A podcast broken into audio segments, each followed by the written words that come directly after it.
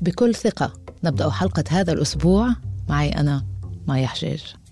شو اللي بخليك مبين عليك واثق من نفسك؟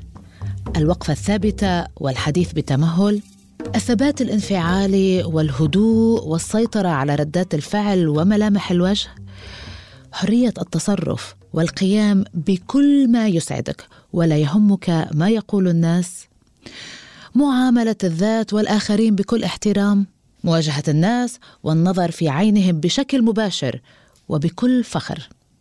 Fake it till you make it. مقولة مشهورة وتعني تظاهر بالأمر حتى تنجح وتتقنه. ترتبط دائما مع الزهو بالنفس والمشي بكبرياء والتصرف كالملوك والتحدث بكل لباقة وعدم إظهار تعابير أو ردود أفعال غير ناضجة عند الاستفزاز ومسك زمام الأمور حتى لو كانت هالأمور تفلت ببعض الأحيان. قبل ما نوضح شو تعريف الثقة في النفس ومظاهرها يجب أن نركز على على شيء وهو الشيء الأهم اللي حنركز عليه إنه الثقة بالنفس ليست موهبة نولد بها بالفطرة بل هي مهارة. نكتسبها بمرور السنوات والتجارب والأشخاص اللي بمروا بحياتنا. تطويرها وتزكيتها أمر ممكن وسهل كمان. بخليك أكثر تنظيما وبخلي جسمك أكثر ارتياحا وحياتك أكثر بهجة. وهذا هو محور البودكاست على طول حلقاته. خلونا نبلش. ماذا نعني بكلمة الثقة بالنفس؟ هو حسن تقدير الشخص لذاته وقدراته.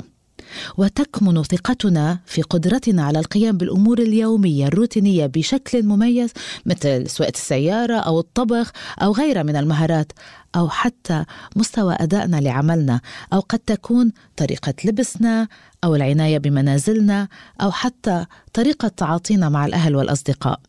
في بعض الأيام تشعر وكأنك نجم من المشاهير. ساطع لا شيء يمكن أن يحبطك. في كل المواقف أنت ممتلئ بالثقة مستعد للتعرف على ناس جدد تشعر بالراحة والأمل. يا أخي fresh! باختصار شعور كبير بداخلك اسمه الرضا. تشعر أنك أقوى من كل الظروف. يلا شوفوني اليوم.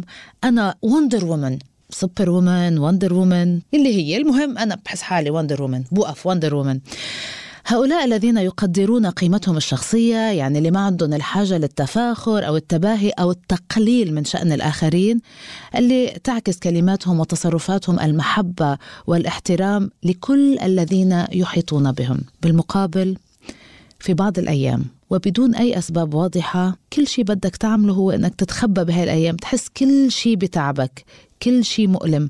ما حدا عم بيفهمك ما حدا عم بقدرك ولا أحد يشعر بك. مؤلم ولا أحد يفهم الألم. هذا يحصل معنا عندما ندع مخاوفنا تتغلب علينا والأفكار السلبية تملأ رأسنا. معلي كلنا بشر. منلاحظ عندما تكون الأمور في وضع غير طبيعي أو غير مريح. وهذا الشيء صار معي أنا اليوم الصبح فمناسب جدا تكون الحلقة اليوم عم نسجلها. وهنا يأتي الناقد الداخلي. ويلحق بعض الأضرار بثقتك بنفسك فتبدأ بمساءلة ذاتك. أو أحيانا نسميها جلد الذات.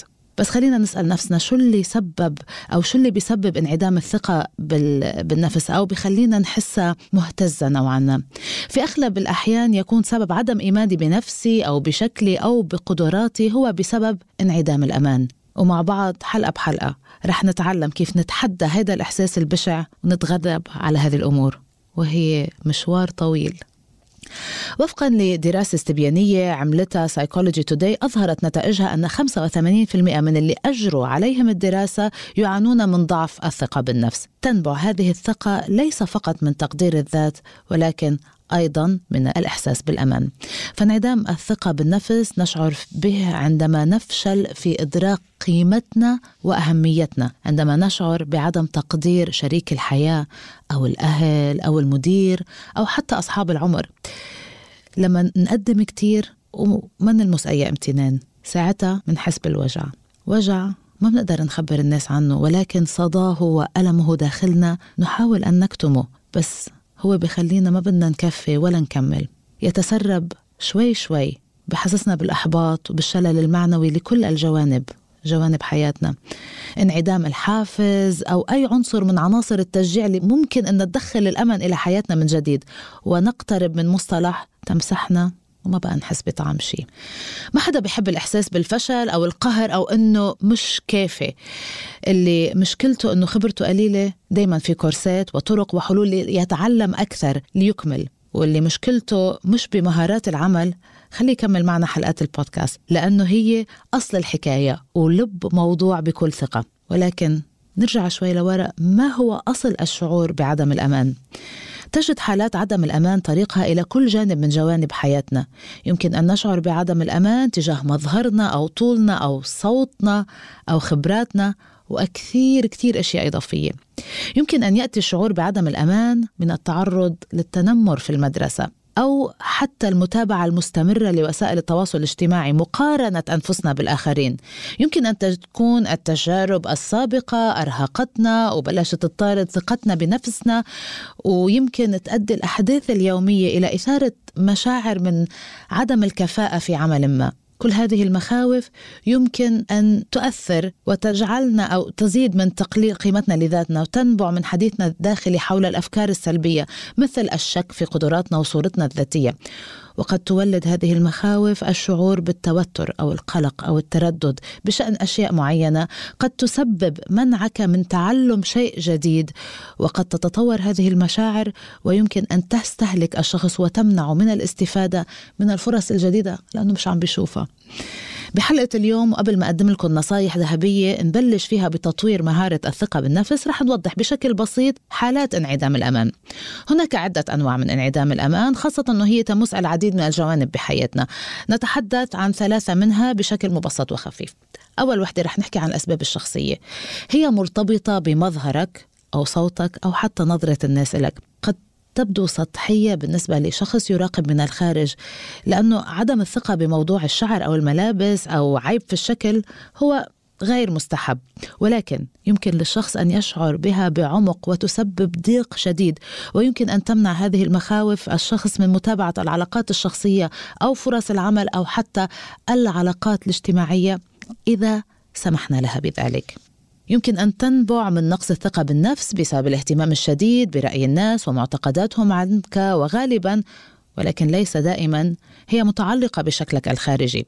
كثيرا ما تقود منصات التواصل الاجتماعي الناس إلى مقارنة أنفسهم بالآخرين وتعزز شعورهم بعدم الأمان، ما يؤدي إلى عادات غير صحية مثل اضطرابات الأكل وإيذاء النفس والانعزال.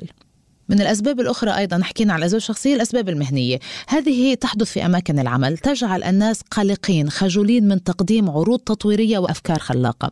تخيل مثلا لو تجاوزك رئيسك في العمل للحصول على ترقية عملت بجد لتحقيقها. سيؤدي هذا الفشل إلى سحقك تتدمر ويعرض احترامك لذاتك لضربة كبيرة وموجعة. كما يمكن أن تؤدي حالات عدم الأمان هذا إلى غرق الناس بالشك الذاتي وفقدان الشغف.